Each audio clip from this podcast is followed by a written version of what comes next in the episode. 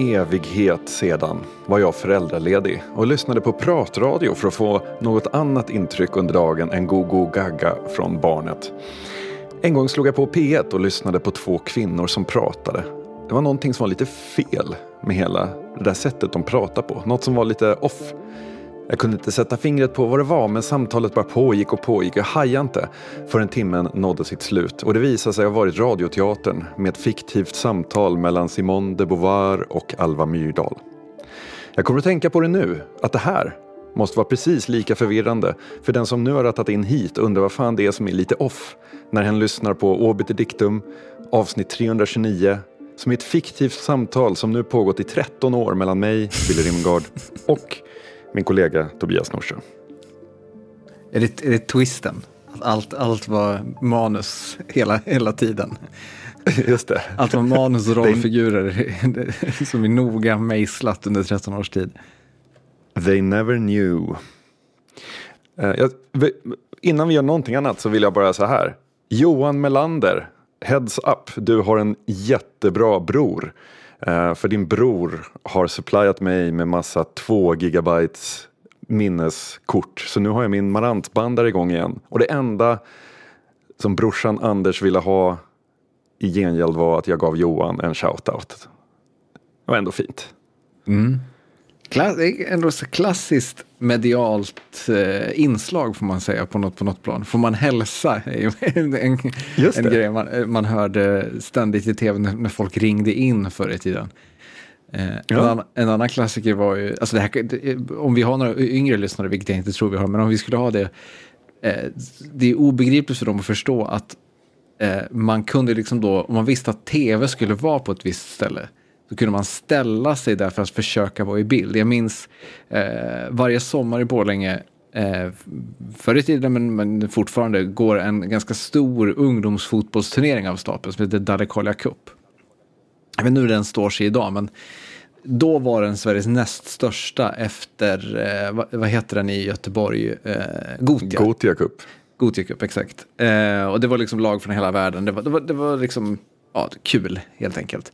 Eh, pågick en vecka och då under ett av de där åren så var Sommarlovsmorgon där och skulle sända live från, eh, vad heter Dalekola Cup. Uh, och jag kommer ihåg då att vad heter det, de skulle då ha någon slags straffläggning, det var ju fotbollstema då såklart på, på det där avsnittet. De skulle ha någon slags straffläggning och att jag, min syster och min pappa ställde oss på ett ställe Eh, så att vi skulle, liksom, skulle kunna synas i bild. Eh, men det enda man synt, men det enda man såg var min systers turkosa eh, regnjacka som swishade förbi när kameran snabbt panorerade med bollen. Eh, men det, det, var liksom en apparat, man programmerade videon hemma samtidigt som man, man eh, stod där och, och frös på ett regnigt sportfält i Borlänge. Jag höll på att hugga på dig och säga, ja men vadå? Det finns ju hela webbforum idag som är dedikerade för att se i vilka områden Googles street map-bilar är som man ska kunna ställa sig där och bli fotograferad. Men det kanske också är boomers som gör det. Det kanske inte är så. Kanske, men det unika i den möjligheten är definitivt i paritet med den, det unika i möjligheten att, att kunna synas i bakgrunden på en tv-sändning eh, när man liksom var, mm. eh, var barn. Eh, det var ju liksom så astronomiskt omöjligt eh, på något sätt att liksom sy synas på bild i, i ett massmedium på något sätt. Vi, var, vi tog en liten ofrivillig paus ju. Ja. Um jag eh, var, hade en kraftig förkylning och efter den, och det var bara liksom en man cold, eller liksom så, inget, inget allvarligt. Men efter det så gick det ner i buken på något sätt. Jag hade sådana magsmärtor, jag låg och hade så ont, så jävla ont. Och sen när jag trodde att jag var frisk och började studsa tillbaka så bara small det till igen och så vidare. Så att jag åkte in till akuten eh, och tänkte att jag är döende. Det här är, hur lång tid har jag kvar att leva? Är det två veckor? Hur, hur, hur mycket har cancern spridit sig? Tänkte jag. Eh, så på akuten så tog de det på största allvar och jag var där i nästan åtta timmar och gjorde varenda test som går att göra med datortomografier och hela skiten. Och när läkaren kom med de samlade proverna så sa hon följande. Hon sa Det finns inga tecken på att någonting är fel i din kropp. Det är inte så ofta man får en sån friskskrivning ändå. Men det är också ett underbetyg. Något fel finns det, det vet man ju. Eh, men, eh, ja, men vad, vad, vad, det är väl också så här, jag tänker att det är ett blandat besked. Det är ju, å ena sidan är det ju vad skönt, å andra sidan börjar man ju då fundera på vad är det då Just det. Alltså de hade ju lite teorier om att det kunde varit någon tarm som hade vridit sig men sen liksom tvinnat tillbaka eller mm. något sånt. Mm. Eh, så att de inte kunde se det. Eh, de trodde ju på mig, de trodde inte att jag liksom hittade på. Eh, men det var ändå jävligt gött att få det kvittot. Så nu är jag tillbaka, Såklart. jag ber om ursäkt för att vi missade en att vi missade den, men jag, eh, eftersom jag inte kunde äta så var jag så matt. Så matt var jag. Jag var som en, en, en eh, liten våt trasa som låg här i, i soffan och uh, tyckte otroligt synd om mig själv och var övertygad om att nu, nu går ridån ner. Vi duckar cancern en vecka till i ja. Men man vet ju att cancern närmar sig på något sätt. Det är det som är det värsta. Eh, att man, det, är, det är oundvikligt på något plan. Lever man bara tillräckligt länge så kommer den ju ta en till slut. Jag har, jag har haft problem med en hudåkomma eh, det, det senaste året och gått till en specialistläkare återkommande. Och sist jag var där, då droppar han bara från ingenstans. Jag säger att det här är 0,2 procents risk att det är cancer, säger han. Bara så, oh. alltså visst, jag förstår att han tänker att han levererar ett betryggande besked. Men fram ja. tills då hade liksom tanken inte ens föresvävat mig eh, att det här kan vara någonting liksom så allvarligt. Jag tänkte bara, det här är bara något skit med huden liksom. Vi firar ju 13-årsjubileum på podden här i dagarna och how we have moved från att vara unga odödliga, utan barn att beskydda och så vidare till att sitta här och tänka att 0,2 procent, det är fan inga bra odds. Nej. Ska vi fortsätta då ner i mörkret, tänker jag. Jag, jag har liksom en programpunkt här som, som stod till förra podden, men som, som på något sätt har överlevt. Eh, som handlar om en, en en eh, rubrik som fick mig att hicka till eh, för en månad sedan vid det här laget. Eh, jag läser rubriken bara. A Yale professor suggested mass suicide for old people in Japan. What did he mean? eh, och det här handlar då alltså om en, en, en, en eh, assisterande professor i economics på Yale då som heter Yusuke Narita som helt enkelt då har kommit med i eh, förslaget att gamla människor i Japan bör begå mass eh, självmord, alltså seppuku då. Eh. Och det här är ju som något slags lösning på Japans problem med en stor, del, en stor åldrande befolkning som, som ja, man vet då kommer bli ett jätteekonomiskt hinder de kommande 30-40 åren. I och med att man har för många gamla och för få unga som kan liksom betala skatt och annat för att ta hand om de här gamla människorna helt enkelt. Mm. Vad säger du, dags, ett, ett masssjälvmord, det var länge sedan ändå.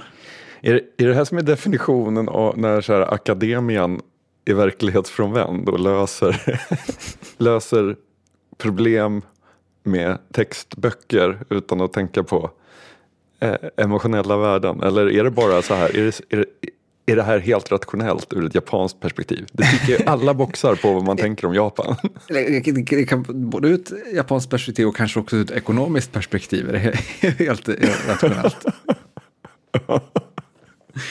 eh, jag menar, vad, vad, vad, vad, fyller de för funktion för samhället? De här människorna, de här gamla människorna som bara ligger till last. Det kan, kan man ju fråga sig. Nej, men jag tror, när, jag liksom, när man läser en artikel mer så märker man också att det handlar ju det är väldigt tydligt att det är någon form av liksom provokation eh, och handlar liksom mer om, eh, vad heter det, att liksom döden ur ett, ur ett ekonomiskt perspektiv ska liksom inte ses som eh, någonting nödvändigtvis jättenegativt. Eh, alltså visst att det är jättehemskt, men ur liksom ett samhälleligt perspektiv så fyller det också en, en slags viktig eh, funktion. För eh, han då pratar liksom om eh, när, när han liksom sen har reviderat och utvecklat de här resonemangen så landar han väl mer i att det eh, att man kanske ska förespråka till exempel aktiv dödshjälp för folk, alltså människor som kanske inte vill leva längre. Finns det liksom ingen anledning att samhället ska kämpa för att hålla vid liv för att det då ja, mest kommer ur ett större perspektiv vara negativt för mänskligheten så att säga. Så man kan säga att han, han spände bågen han var tvungen att backa lite. Han började syna sitt resonemang och tänkte att han kanske inte håller hela vägen. Någon Frågan är om han gjorde det före. gjorde han det före eller efter rubrikerna och antar jag ett efterföljande Twitter-uppror. Ja, men jag, vet, jag, jag tänker mig också att det är väl bara ett sånt här sätt att få lite uppmärksamhet i den akademiska världen. Alltså hade han bara skrivit sitt paper och förespråkat att, vad heter det, vi måste hitta en lösning på den åldrande japanska befolkningen, då hade han bara varit ett paper av alla andra som liksom siar och spekulerar i samma problem. Eh, när han däremot kommer med ett radikalt förslag, då hajar folk till och lyssnar lite. Men vänta nu, vad menar du egentligen? Då vill man liksom höra vad det är, vad det är som ligger bakom den här idén på något sätt. Ja. Hörru du, vi eh, pratade för, alltså runt, runt 2015 så pratade vi om Hugh Howies eh, bokserie Wool. Eh, Wool och sen hette nästa Dust tror jag. Och sen var den tredje. Eh, det var lite av en... Eh, Shift hette andra va? Dust var tredje. tror ja, jag. just det. Ja, skitsamma. Så var det nog ja. Mm. Howey publicerade den här själv på Amazon. Det här var i e-bokens barndom när man kunde bara liksom släppa något och med lite bloggpostningar få en bestseller på Amazon. Eh, och den var ju otroligt bra den serien. Jag tyckte om den jätte, jättemycket. Ehm, den hand, det var någon slags postapokalyps där mänskligheten bodde i stora silos under jorden. Och nu så ska den bli tv-serie. Eh, Apple TV är det som står för filmatiseringen. Apple som verkar liksom Ja, men de går, verkar gå rätt hårt in på det här att bli någon slags sci-fi eh, hubb, känns det som. Um, Silo-trailern, den heter numera Silo eller Silo, den får inte heta Wool för det förstår inte populasen. Att, Men jag tror också att hela bokserien hade samlingsnamnet Silo eller någonting sånt. ja, det Eh, kanske den hade ja. ja.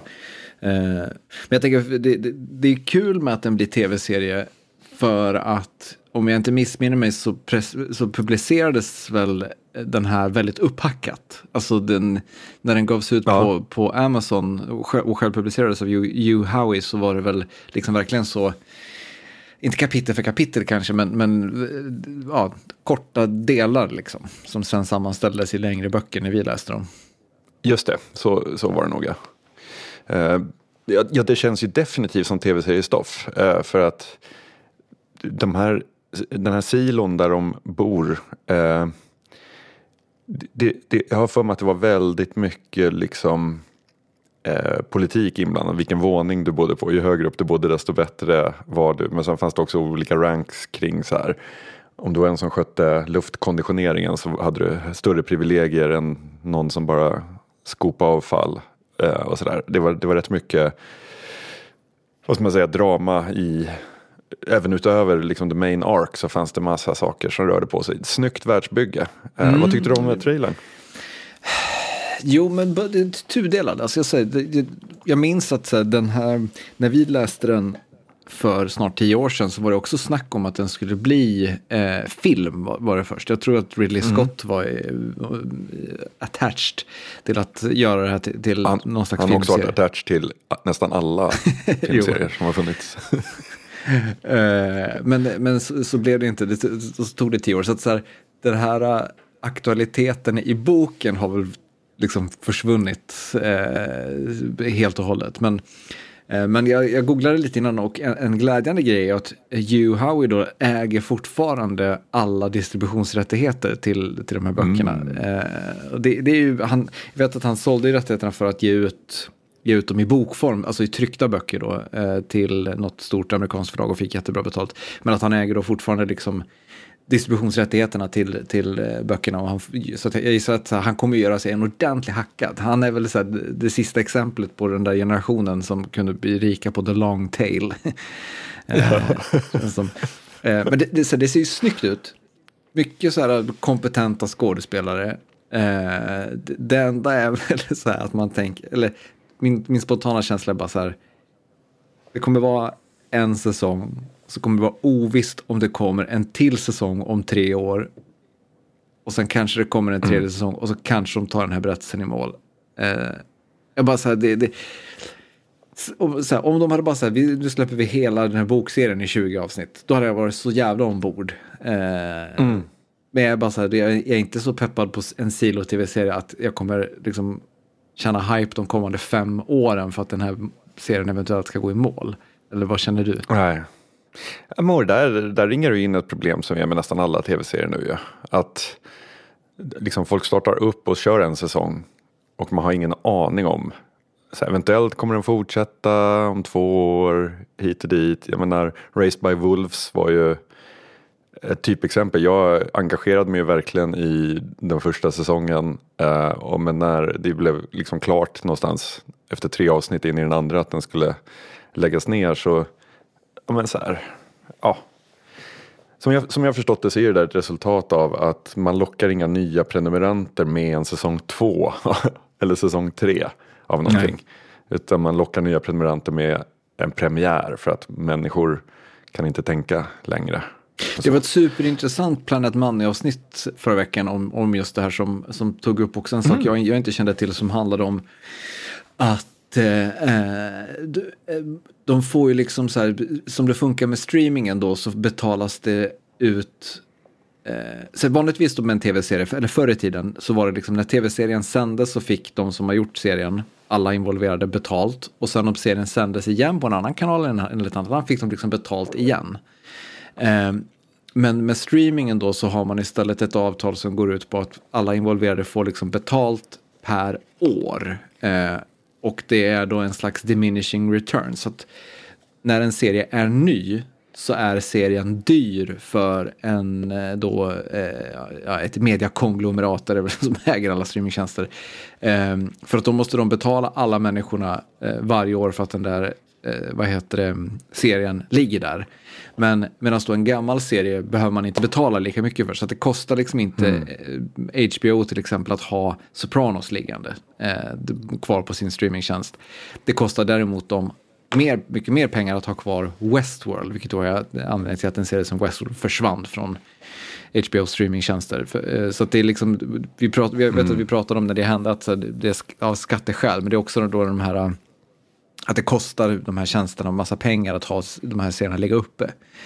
Och det gör ju också att det liksom är tacksamt då att om en serie, om man har fått in lite nya prenumeranter men en serie liksom genererar inte jättemycket buzz, då är det liksom bättre att bara stänga ner skiten och ta bort det än att liksom eh, gambla överhuvudtaget med de här eh, serierna. Så det, det gör ju att man liksom tyvärr blir lite sådär, det, tar udden av det. Annars, det, det ser bra ut liksom. Det, ser- det ser spännande ut. Jag minns det som en bra, en liksom spännande story. Jag minns framförallt öppningsscenen i boken, att den var otrolig. Kommer du ihåg hur den börjar?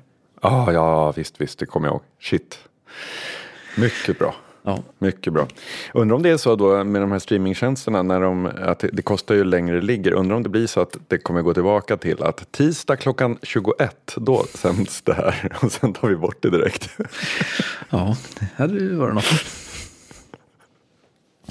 På tal om böcker eh, så har jag ett litet boktips. Jag har läst två, böcker de senaste veckorna eh, som jag skulle vilja eh, tipsa om för att de hakar i mycket av det vi pratade om i eh, Utopicirkeln.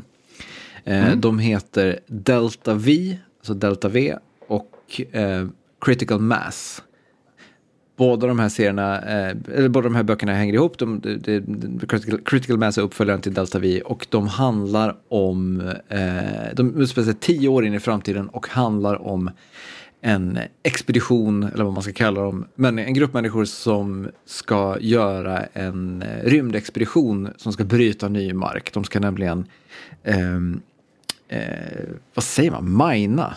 Eller vad säger man på svenska? Alltså, Gruvdrift. gruvdrift på en eh, asteroid. Eh, och anledningen till att jag vill knyta an den här till utopicirkeln är för att den innehåller mycket av det vi pratade om då. Eh, någon slags framtidshopp.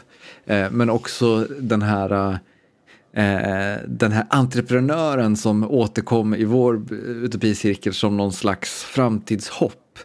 Mm. Är liksom också här någon form av framtidshopp men betydligt mycket mer i linje med eh, hur, våra, hur de här entreprenörerna, hur de här liksom tech-entreprenörerna faktiskt är idag på något sätt. Alltså, mm.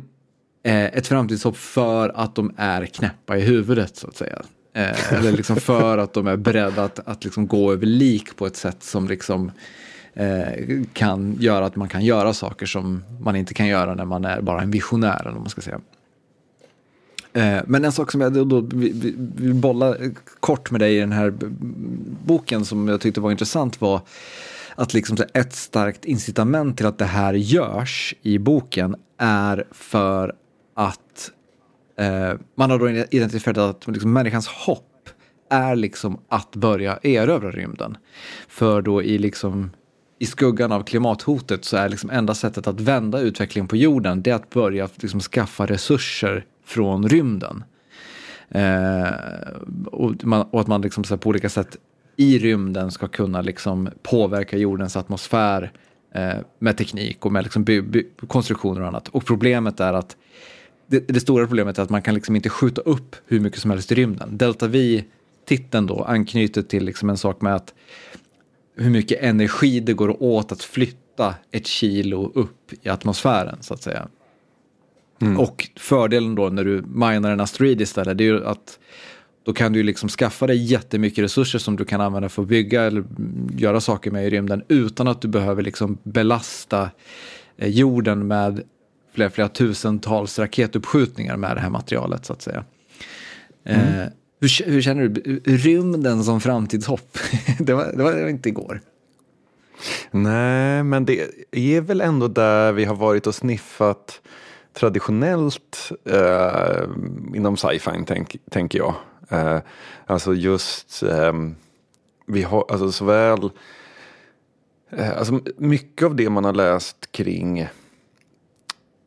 eh, vad ska man säga, near earth science fiction. Att så här, eh, man har en skön, skön eh, liten eh, koloni på Mars eller kanske till och med en stor och sen gärna något, något glitterband av eh, i orbit runt Venus. typ.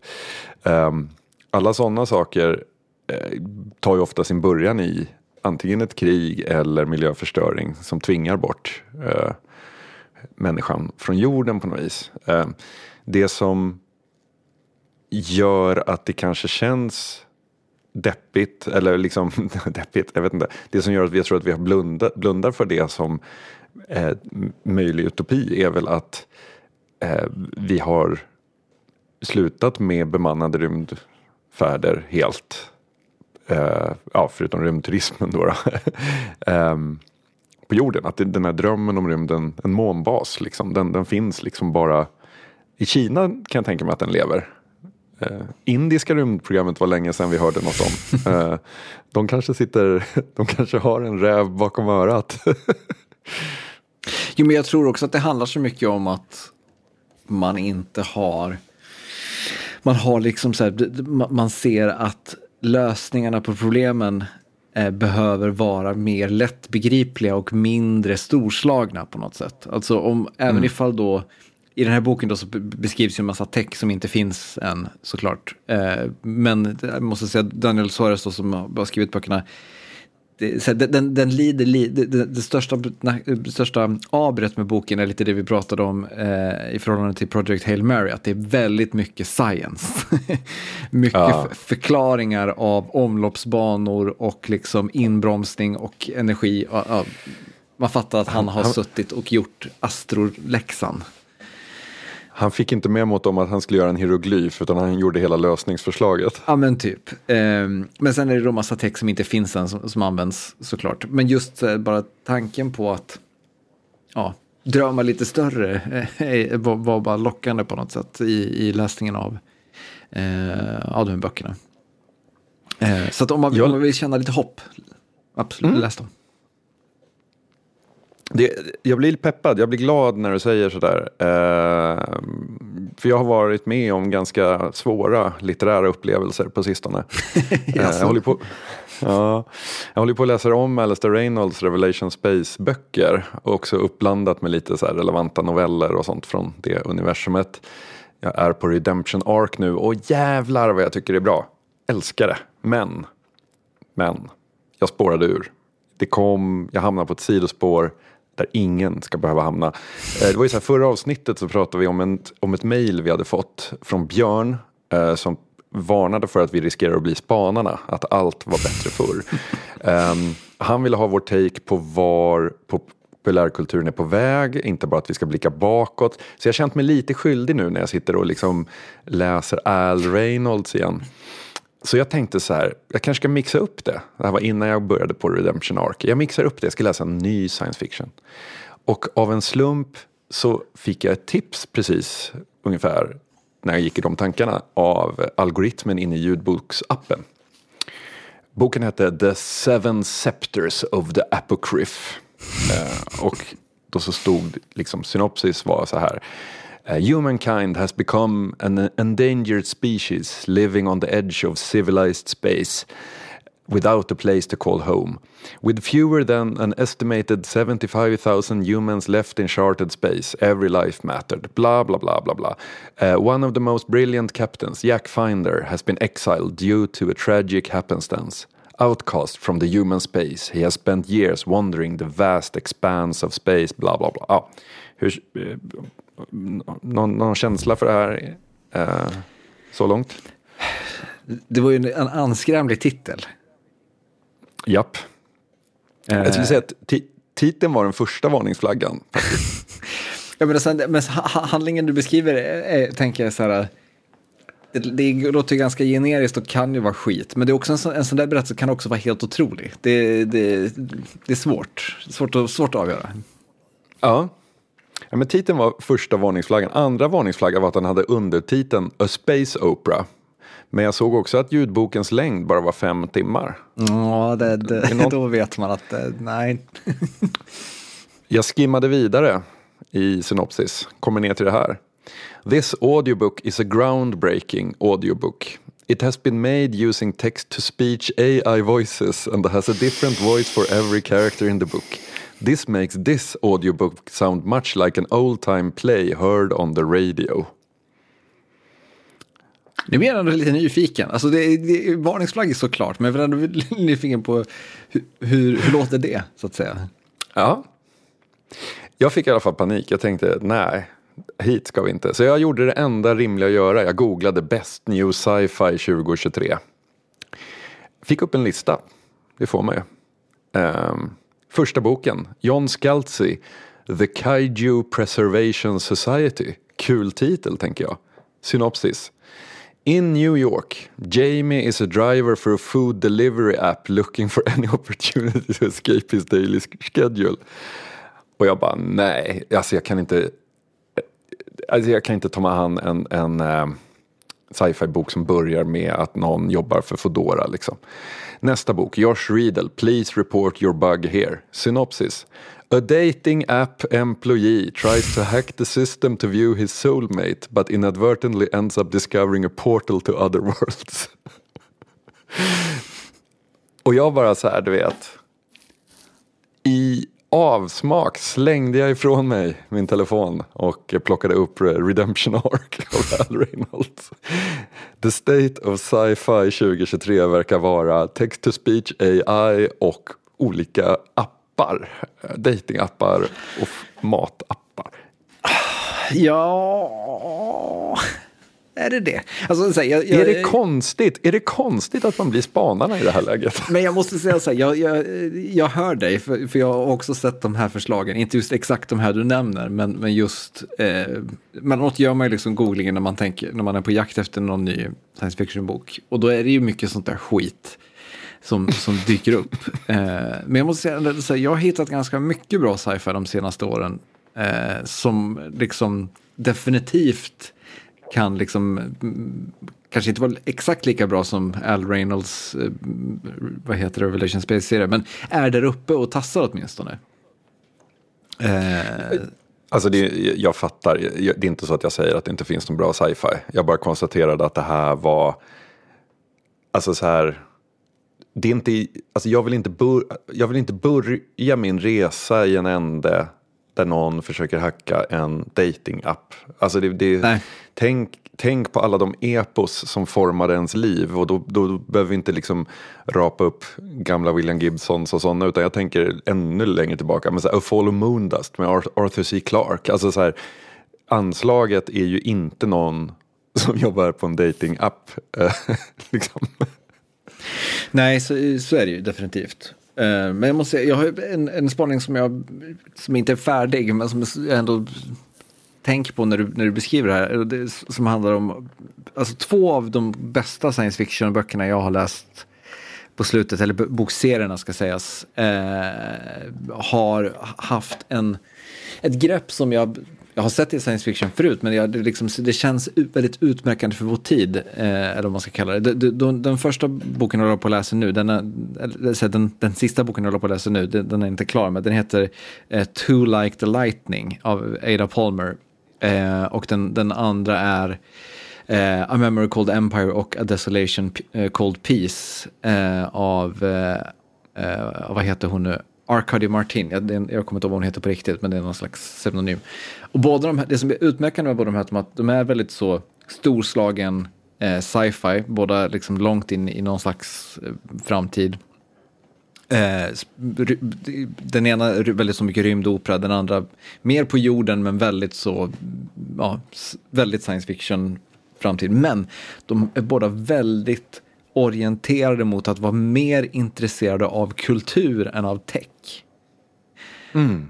Eh, och jag vet, jag vet inte om det här är, är en trend. men men jag, bara, jag bara tänkte på att det kändes väldigt utmärkande för vår tid på något sätt att mer fundera. Man är liksom intresserad av vad som händer med mänskligheten när vi har en skärm fram på, på, i en, på en lins på ögat eller någonting sånt. Eller när vi liksom blir lite cyborgs. Eller så. Det är liksom inte intressant längre på något sätt. Däremot, så, mm. vad händer med människans vårt, vårt liksom kulturella sätt att se på världen i någon slags framtid. Det känns som att det är mycket mer intressant att utforska i en science fiction-kontext idag på något sätt. Eh, jag vet inte, det bara, jag bara slänger ut. Ja, och jag tänker att det kanske har att göra med att så här, backar man bandet 20 år så är ju liksom tanken på att ha en iPhone med en datingapp där det kommer upp så här, ja, inom en kilometer ifrån dig så är folk med dina preferenser, de här letar också någon. Typ swipa, swipa, swipa, connecta, träffas. Alltså så här, det hade ju varit science fiction för 20 år sedan. Det är lätt att glömma det, men det är liksom 2003 så är, är ju det ändå eh, mm. eh, rätt avancerad sci-fi. Eh, och det kanske är därför som man känner så så opepp på en sci-fi-bok som tar sitt avstamp i en datingapp därför att det är så, alltså så här sci-fi, alltså tekniken är här. Mm. Väldigt mycket av tekniken som har definierat science fiction finns. Det är bara det att den har tagit ett annat, annat uttryck än den gjorde i sci-fi vi växte upp med. Eh, och därför så blir det mycket mer intressant att prata om, som du säger, kultur och människor och sådana saker. eh, snarare än tecken. För att vi blir inte, vi blir inte särskilt imponerade av tech idag. Så. så. Nej, och framförallt så är liksom tecken ingen väg framåt för att föreställa sig samhället på något sätt. Och vi har liksom lärt oss de senaste 20 åren på något plan att visst, tech förändrar samhället, men det, och det, det gör massa saker med oss, men eh, liksom till syvende och sist så är, så är det liksom mycket mer intressant vad, den här, vad resultatet blir av vilka vi är. Alltså sociala medier mm. eller vad som helst. Det är mycket mer intressantare vad det gör med oss som människor än vad liksom tecken har för möjligheter eller vad, vad, liksom, så vad den kan leda eller vad, alltså förstår du vad, vad jag far efter på något sätt. Att det, mm det, ja, jag vet inte, jag, jag, ska, jag ska tänka mer på, på det här när jag fortsätter läsa Ida Palmer-serien eh, och se vad jag, vad jag landar om jag landar i någon tanke. När vi ändå eh. pratar litteratur så tror jag att alla vill veta hur det går med ditt fantasyprojekt. upp och ner. jag, vill säga, jag, jag, vad heter det? jag har lyssnat på, läst några, men lyssnat på mycket ljudböcker. Eh, än så länge då så är det alltså The Witcher-serien som jag började med. Klämde nästan alla böckerna. Eh, och sen så gick jag vidare till Mistborn-serien. Som jag tipsade dig om första boken i. Det är alltså eh, Brandon Sanderson. Eh, vad heter det? Tre, tre böcker, de tre första böckerna i eh, hans eh, Mistborn-serie, jag vet att det har kommit några stycken till, som också är del av någon slags större, har jag fattat det, fantasy-universum som flera av hans böcker utspelar sig i. Uh, mm. Som jag ska gå, gå, på sen, tänker jag. Och sen så är jag snart klar med First Law-trilogin av Joe Abercrombie. Mm. Och jag har liksom identifierat en grej som jag tror jag var inne på sist vi pratade om fantasy-projektet. Och det är att så här, Alltså, jag, gillar många av de här berättelserna. Det finns liksom mycket starka karaktärer, mycket starka händelseutvecklingar och grejer. Men en sak som hela tiden återkommer, som jag konstant tycker är helt ointressant, det är att det alltid är ett krig. Ja. Jag vet inte, hur, hur känner du för krigen i fantasy? Är det alltid det då? Um... Det kanske Nej, det, är det. Jag förstår, jag förstår, att det inte alltid är, är det i fantasy. Jag förstår att det finns fantasy utan krig. Men liksom nu när jag har liksom tagit mig, till, tagit mig an några av de här bokserierna så förr eller senare dyker upp ett krig. Eh, som First Law, inget krig i första boken. Mer krig i andra boken, ännu mer krig i tredje boken. Ja. Mistborn. Inget krig i första boken, lite krig i andra boken, mycket krig i tredje boken. ja, det är en template verkligen. Uh, um, men jag skulle vilja ha så här. Och jag, jag, har liksom inte, jag vill bara säga, jag har inget emot krig. Problemet är att med fantasy så är det så svårt att bry sig om krig. Därför att krig är liksom som, som narrativt plottelement intressant utifrån någon slags ideologiskt perspektiv, för mig i alla fall. Alltså vad, vad vilka är de som strider? Vad är det liksom som står på spel? Vad är behandlad, vad, det, är liksom, det är konflikten som är intressant, inte själva kriget i sig. Alltså, mm. Då kan jag liksom läsa på västfronten inte ett nytt. Men First Law-trilogin, handlar, eh, handlar den verkligen om kriget? Alltså det jag, de, minnen, de minnen jag har av det är liksom aldrig stridsscener utan det är ju alla de här Bremer Dangorst och de här vidriga adelsmänniskorna som struttar runt i. Alltså, förstår jag menar att det finns ett persongalleri och en eh, eh, det finns något krig och fredskt över. Jo, alltså ja, jag älskar pers persongalleriet i First Law-serien och, och, i Mistborn på, på, många sätt och vis och i The, i The Witcher-serien. Men, men, men kriget blir ju liksom hela tiden det som blir någon slags motorn i berättelsen på något vis. Alltså det, för det är det som är det yttre hotet hela tiden. Alltså det är det som på något sätt tvingar fram att det här persongalleriet måste göra saker eller måste agera eller måste liksom förhålla sig till. Eh, och, mm. och, som sagt, och, och det i sig är liksom inget problem, men just då när det liksom blir... Det, det hade varit intressant om det bara var liksom en någon slags vet, ondskefull makt. Alltså en, en ond magi som har vaknat upp eller någonting. Eh, vilket ju liksom på något sätt man märker finns i bakgrunden på de här berättelserna. Men den tar sig liksom ofta, eller alltid än så länge, uttryck i just att landet då som står i centrum hamnar i krig på något sätt. Mm. Eh, jag vet inte, det...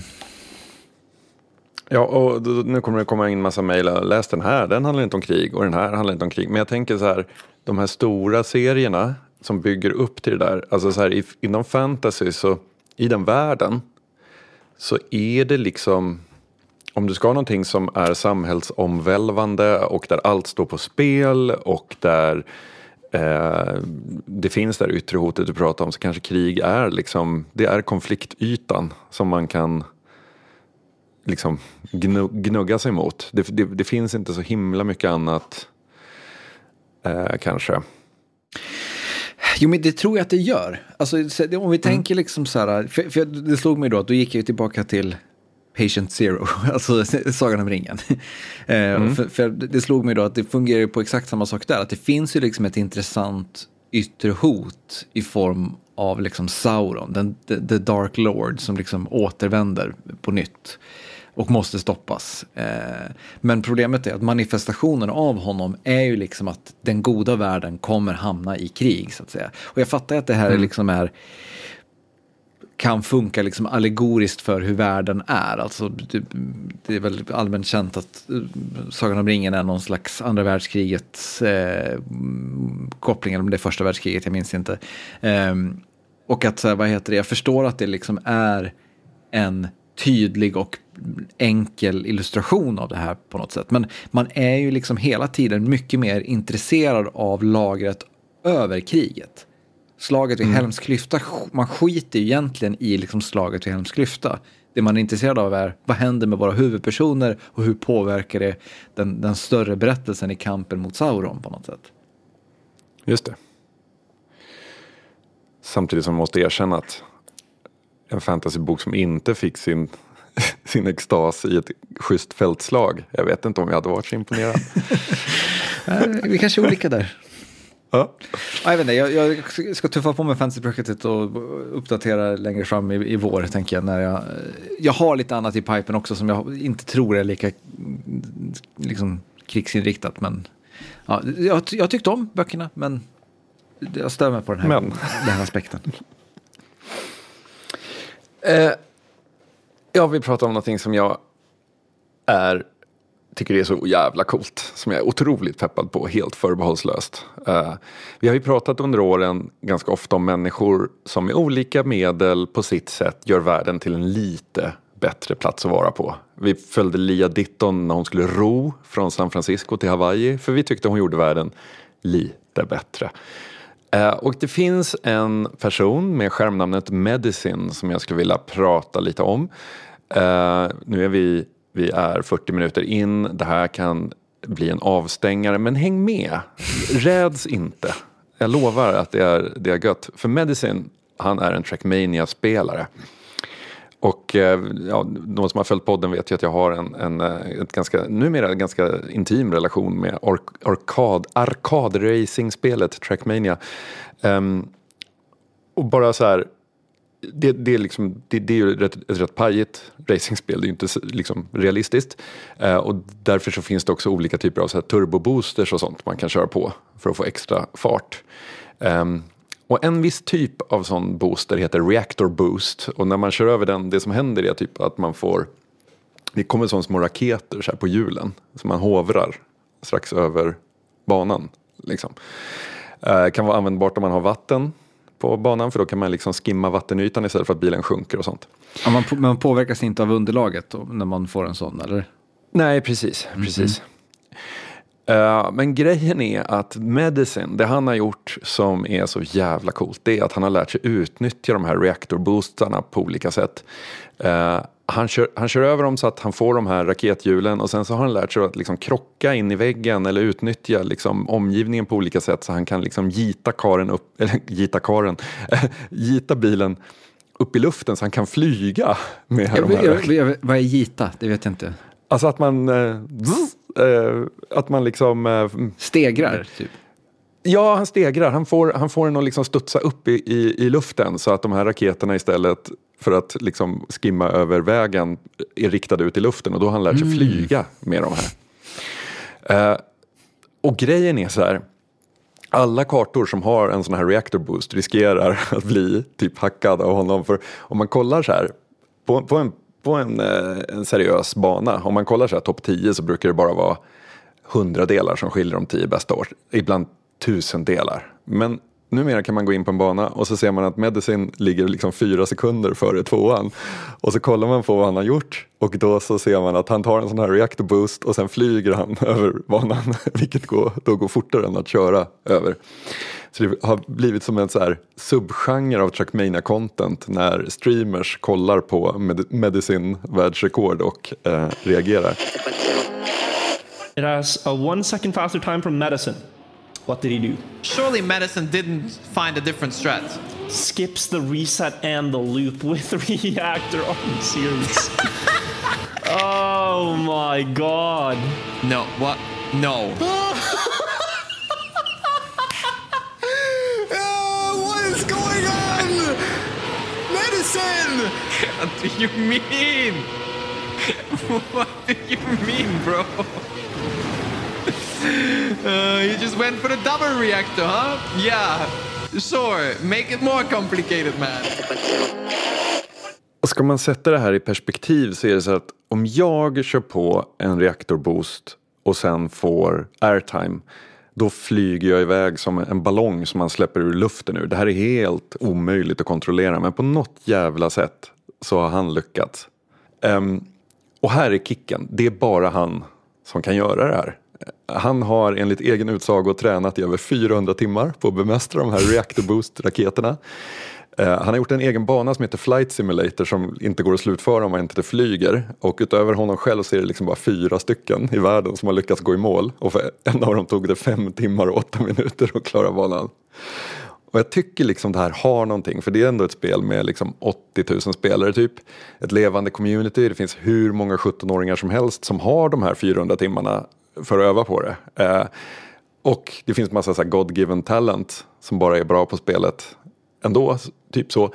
Men det är bara Medicine som fixar de här reactor boost flygturerna. Eh, och jag tycker att han har gjort världen lite, lite bättre. Men genom det- att Ja, fortsätt. Ja.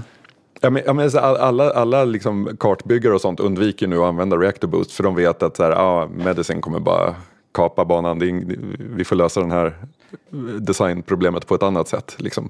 Men han har hittat en game changer helt enkelt.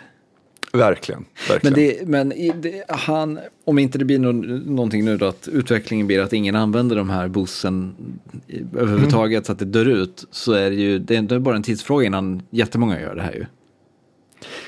Alltså grejen är att han, han har hållit på med det här ändå eh, ett bra tag. Det är inte så att det har hänt den senaste veckan utan det här började bli en grej någon gång i höstas eh, och det, det, fick sin, det fick sin peak i, alltså så här, ut, varje kvartal så släpper tillverkaren en officiell, alltså utveckla, spelutvecklaren släpper en officiell kampanj med 25 banor. Eh, som börjar med liksom fem stycken som är väldigt lätta och slutar med fem som är väldigt svåra. Och så är det liksom stegrande svårighetsgrad. Och den här officiella kampanjen är ju då väldigt prestigefylld för den kan ju alla spela, även de som kör gratisversionen av spelet. Ehm, och eftersom speltillverkaren vill understryka arkad eh, aspekten av det här spelet så använder de väldigt mycket reactor boosts. Så att den här officiella kampanjen ser väl typ fyra eller fem kartor som Medicine bara har förstört för att han flyger över kartan istället för att eh, så. Eh, och han gjorde det även förra, alltså det, den, den senaste, eh, det, den kom ju då första januari, den kampanjen som är ute nu.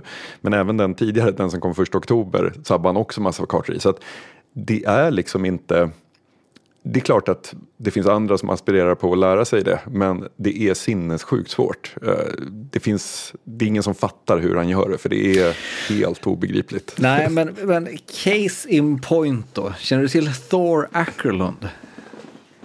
Ja, ja. The vibrating thumb-teknik. Exakt, the vibrating thumb-teknik. Eh, han blev ju då alltså först i världen med att nå level 30 i Tetris till NES, vilket då man trodde var omöjligt. För att när man är på level 29 så faller bitarna så snabbt att man inte hinner flytta ut dem på sidorna. Men Thor Acklund då, tack vare hans vibrating thumb-teknik, eh, lyckades eh, med det här. Eh, och han var ju liksom ensam om det här jättelänge. Alltså vi pratar i 30 års tid. Eh, men de senaste åren har ju en ny generation Tetris-spelare kommit upp som anammar the vibrating thumb-teknik och har ju liksom blåst Thor Ackerlund av banan. Alltså det finns eh, ett gäng spelare som liksom är helt, helt överlägsna. Eh, så att jag tänker att det handlar bara om tid. Det, det, det, Ja.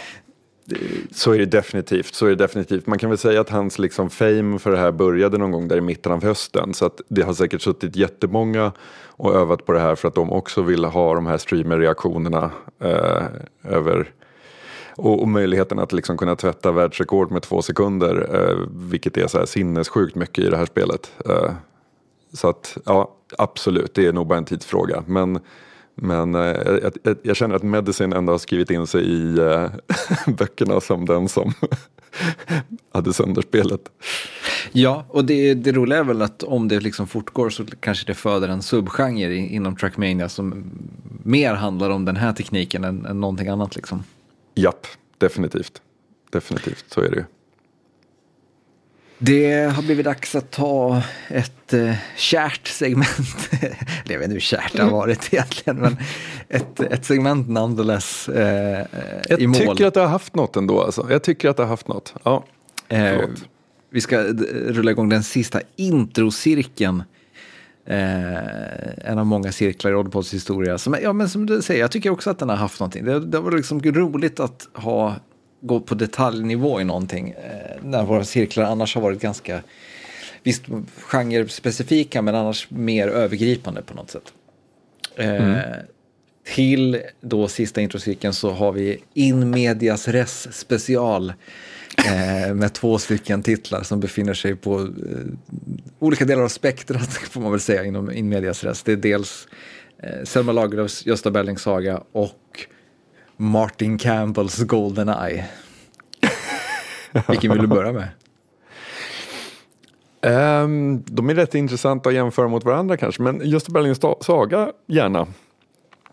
Uh, börjar i, uh, i församlingen, prästen står i predikstolen. Um, han, är försup, uh, han är försupen och eh, står där och laddar för att liksom hålla sitt sista, sin sista predikan för han vet att han kommer bli utslängd ur kyrkan. typ. Um, och det jag hoppade på, det var ju liksom, i höstas läste jag eh, Jerusalem. Uh, och jag undrar vad Selma Lagerlöf har för relation till präster, för att i Jerusalem så finns det en karaktär som jag tyckte nästan hade något så här bröderna Coenskt över sig. Uh, en, en präst som extremt omtyckt, eh, jätteviktig för byn, eh, alla tycker om honom, men så fort han ska prata om, om trosfrågor så, så bara låser det sig för honom. Han kan inte prata om tro och Gud på något sätt. Han, han blir nervös, han, han klarar inte av att uttrycka sig. Det är ett väldigt roligt tick att ha som präst. Ehm, och nu möter vi en annan, en annan präst här, mitt i sin sista akt. Ja, är det, tror du att det handlar om präst specifikt eller är prästen bara en väldigt tacksam arketyp som någon slags ledarfigur, ledargestalt i Selma Lagerlöfs eh, samhällen så att säga. Alltså i det, om vi både snackar rent tidsperiod men också liksom det här den liksom patriarkala ledarrollen som prästen historiskt sett liksom eh, had, ha- har haft i små svenska samhällen så att säga. Jag tror så här, jag, jag läste ju jag, jag läste lite svenska klassiker här under hösten och prästen och, vad ska man säga, brukspatron eller den lokala så. De blir ju alltid väldigt eh, syrligt porträtterade med många tics och många egenheter och liksom lite nyckfulla sådär. Jag tänker att skulle man skriva samma typ av berättelse idag så kanske det hade varit en mellanchef man hade skildrat på det sättet. Att det, liksom, det blir en sån, igen, alla känner igen sig, alltså alla i publiken känner igen den här figuren från sin hemort. Eh, Just det, en försupen präst, så var det ju i grannbyn här. Det hade de ju där också. Så. Tänker Men jag vad- precis som att man kan, man, man kan beskriva en mellanchef, alla bara, ja ah, just det, det där är ju på mitt förra jobb. Ja. Ja, men det är väl en person med inflytande som ingen riktigt känner kanske förtjänar det här inflytandet, eller vad man ska säga. Japp, japp. Men vad tycker du om själva, själva starten då som, tycker- som, som, som grepp, att, att, bara, att det bara kastas in i den försupna prästen, så att säga? Jag tyckte det var jättestarkt. Jättestarkt. För det kan ju oftast vara problemet med lite äldre litteratur att starten, alltså de, de kommer i en vagn över ängarna och solen står högt och sommaren har lagt sig. Nu ser, väntar den långa hösten. Alltså det kan vara ganska segt så. Eh, det här är ju så jävla gött att bara komma rakt in i det. Eh, Det är ju också hon att fångar ju- någon- Nej, vad ska jag säga, hon fångar ju Ja, men hon fångar en ju alltså från första ordet i princip. Ja, men då, precis, för det blir ju också att någonting direkt står på spel, vad man ska säga. Alltså, om man tänker just den här scenen, det hade ju varit liksom väldigt, väldigt enkelt att börja den här scenen, alltså du behöver, det räcker med att börja den här scenen en halvtimme tidigare så är den inte en medias res. Alltså, om man skildrar när prästen står ute i sakristian och förbereder sig och, och tar några supar liksom. Så, så, vilket ju då är liksom ett, ett mer vad ska man säga, traditionellt sätt att börja en sån här berättelse. Eh, och sen kliver han upp och, håller sin, sitt, um, sin predikan. Eh, så blir ju no, blir det liksom no, någonting helt annat. Men här då så blir ju liksom ja, men allt ställt på sin spets direkt på något sätt. Eh, och det, jag håller med, det, det är väldigt, väldigt effektivt att, eh, att kasta sig in i det. det men så här, det kräver ju också sin författare på, på, på många sätt. I och med att man har läst några i medias res inledningar i sina dagar där som mest är bara förvirrande. Alltså som, som nästan, nästan bara makes sense när man är sen 40 sidor in i boken. Då fattar man lite grann vad det var Ja. som hände där i början. Men eh, en, en, för mig i alla fall, en bra in medias res inledning är man ju med också från början. Man, man, man undrar inte vad fan är det som pågår här, utan man, man, man, är, man är med och fattar. Eh, trots att man har kastats mitt i, in i någonting, så att säga. Just det. Det stämmer faktiskt, för det, det där är ju en klassiker att man också gärna då skriver i presens. The courier moves among the shadows. Verkligen. She listens intently to the noise from the apartment above. Och man bara, "V- vem är hon? Vad, vad händer här? Va? Alltså så. Eh, du, du, du ville jämföra med Goldeneye? Ja, för den, den är ju... Det, alltså så här, den börjar ju ändå på ett... Det, det ger ju ändå lite samma effekt. Um, för det, det är ju liksom inte så här... Vi vet inte varför James Bond är där. Vi vet, in, vi vet ingenting. Det enda vi vet är att eh, det kräver avancerad zipline-teknik och bergsklättringsskills för att infiltrera en, en, en damm. Där det såklart är onda ryssar. Så. Eh, och det är så bra att inte veta någonting om the mission brief eller någonting sånt. Eh, sen är den ganska brutal. Hans kollega blir avrättad helt kallblodigt. Mm, någon som har sett filmen vet att, eller blir han? Just det. Ja. Men vad heter, jo verkligen. Men jag tänkte ganska mycket på så här, eh, det här, Goldeneye ligger mig varmt om hjärtat, det var en av de första filmerna jag ägde på VHS. eh, Så den här inledningen har jag sett många gånger. Eh, Men en sak som jag tänkte på nu är också så här, hur, just i, i förhållande också till så här, hur mycket man snappar upp och förstår en berättelse. Hur hade den här inledningen funkat om man inte vet vem James Bond är? Alltså det, mycket bygger ju på att eh, att man liksom eh, jag menar, har någon form av liten åtminstone förförståelse om vad det här är. Eller så här, det kanske funkar utan också, men, men eh, det, det ger ju så mycket mer när man, när man känner igen Ja, bara, bara en sån här sak. Att den andra personen refereras till som 006. Just det. Om man vet att James Bond är 007 så liksom så här, det, det blir många implikationer av att han heter 006 på något sätt. Eh, som, som ju för en person som aldrig har sett en Bond-film eller vet vad det är överhuvudtaget är helt obegripligt på något sätt. Men alltså var inte det här magkänslan utan att ha gjort någon eh, research? Alltså Goldeneye, vad är det? 85? 86? 96 snarare. 92? Ja, ah, okej. Ja. Eh, just det, det är 90, Timothy 95. Dalton. Jag det. Mm. Och jag tänker att just på den tiden så känns det ändå som att liksom actionfilm slutet av 90-talet hade ganska ofta de här öppningarna. Det känns som att det var väldigt mycket då. Och jag, när, när du säger det funkar för att vi vet vem det är, men jag tänker typ så här, börjar inte första Jason Bourne-rullen också på det här sättet? Och då vet vi inte vem Jason Bourne är, han bara landar och kör. Är det sant? Eh, det är sant. Men, är, är inte, funkar inte Jason Bourne just för att eh, själva poängen är på något sätt att han inte vet. Och då gör det ingenting att vi inte vet. Ja, just det.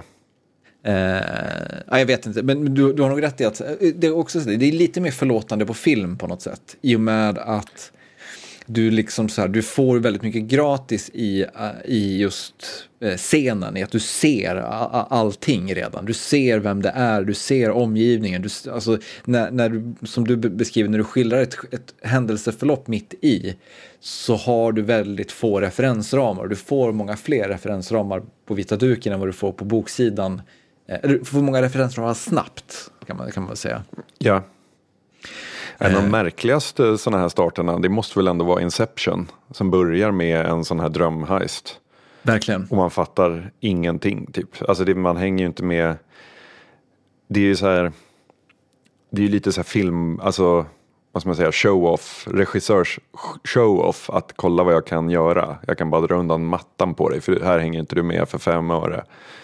Ehm, Ja, och jag, ty- jag tycker att det på, på många sätt är, jag, det är liksom så här, i, i eh, Christopher Nolans fall så är det ju väldigt mycket att så här, vi ska inte fatta för att vi ska liksom lägga det pusslet sen. Men jag kan tycka att det också är lite så här, kanske inte slappt men dåligt historieberättande på många sätt och vis. Just för att så här, det är världens enklaste grej att göra och payoffen är minimal egentligen.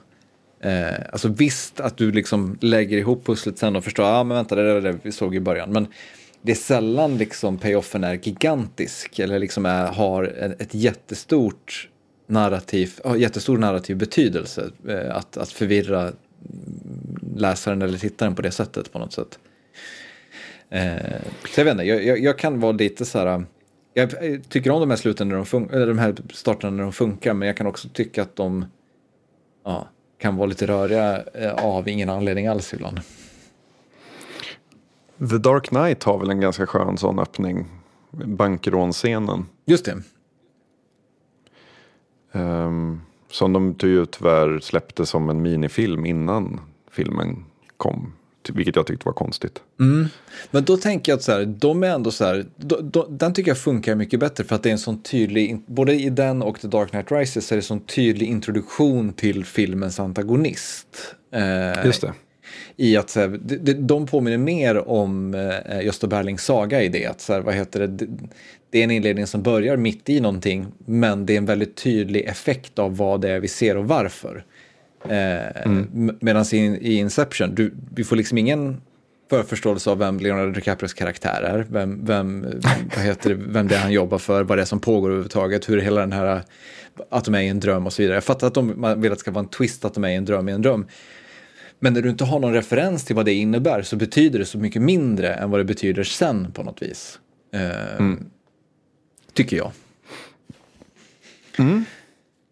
Det är, vi kan sammanfatta in medias res öppningen som en, en, eh, en false friend, eller vad ska man säga? En, eh, eh, det kan både vara en eh, blessing and a curse. Mm, verkligen. Eh, I rätt händer väldigt effektivt.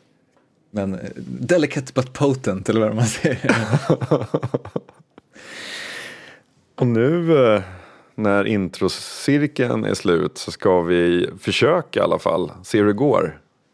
Ja, och invertera introcirkeln till att bli slutcirkeln. ja.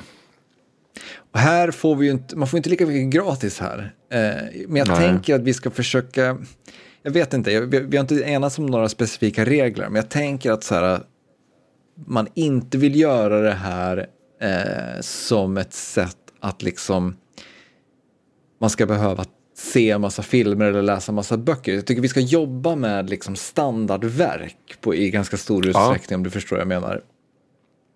Sen kommer det säkert bli någon avstickare här och var som inte är något standardverk. Men jag tänker så här, vi, vi har haft en del låtar i introcirkeln till exempel. En låt är en sak, det, liksom, det kan man beta sig igenom på fem minuter. Eh, men just här, det, om vi har ett bokslut, då vill jag att vi tar en, ett bokslut som är liksom, ja, som inte kräver att man läser 500 sidor av en bok som man inte har en aning om vad, den vad det är för någonting så att säga. Är du, är du med på Ja. det? Ja, men verkligen. Verkligen. Eh, Ehm. jag har tagit fram två förslag. Och jag tänker att man kan, de här, jag gjorde som du gjorde med, med science fiction-böcker. Jag, jag googlade the best movie endings typ och hittade, och gick igenom massa listor. Eh, Och tänkte att så, det är bra, eh, liksom, film är enkelt för att vi, de flesta har en relation till det, vi behöver liksom inte eh, få massa läxor och, och annat. Eh, och vi kan då börja med att etablera någon slags baslinje eftersom att det här då är två av de mest erkänt bästa sluten enligt internet. Ehm, och den ena då har koppling till introcirkeln, nämligen The Thing. Jag tänker att det funkar bra med att vi såg introt så kan vi också se slutet och, och kanske lite grann förhålla dem till varandra om vi vill. Eh, och mitt andra förslag är då den första Gudfadern-filmen. Ah. Så får man göra hur man vill, om man vill se om alltihop eller om man bara vill se slutet. Studsar du på någon av de här förslagen? Absolut inte. Det har du något, själv då, nå- något, e- något förslag du har funderat på? Nej men eh, inte direkt. Jag är glad att du räddade mig. Eftersom jag var oförberedd. Ja, nej, men jag, Så, märks inte det. nej, men jag, jag tänkte också börja med två enkla klassiker på något sätt. Ja, verkligen. Eh, men jag håller med om att det är också för de som lyssnar att kunna hänga med. Ja. eh, Så tror jag att det är gött att välja lite standards. Så att man inte behöver, ja, så att det inte blir världens eh, ansträngning att, att hänga med. Bra. Men du, det är ehm, skönt att vara tillbaka. Vi får se om vi kan klämma in något extra avsnitt någonstans eftersom vi eh, har eh, slirat lite. Men det var inte med flit. Det var, jag tycker vi är ändå ganska bra på att få ur ett avsnitt även när all, alla krafter verkar emot oss. Men eh, det var svårt den här veckan. Jo, häls hälsan går, går före.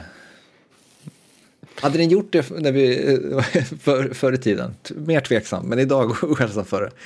Om man vill så kan man supporta oss på Patreon på patreon.com slash oddpod. Eh, gör gärna det. Det är det som gör att den här podden tuffar på.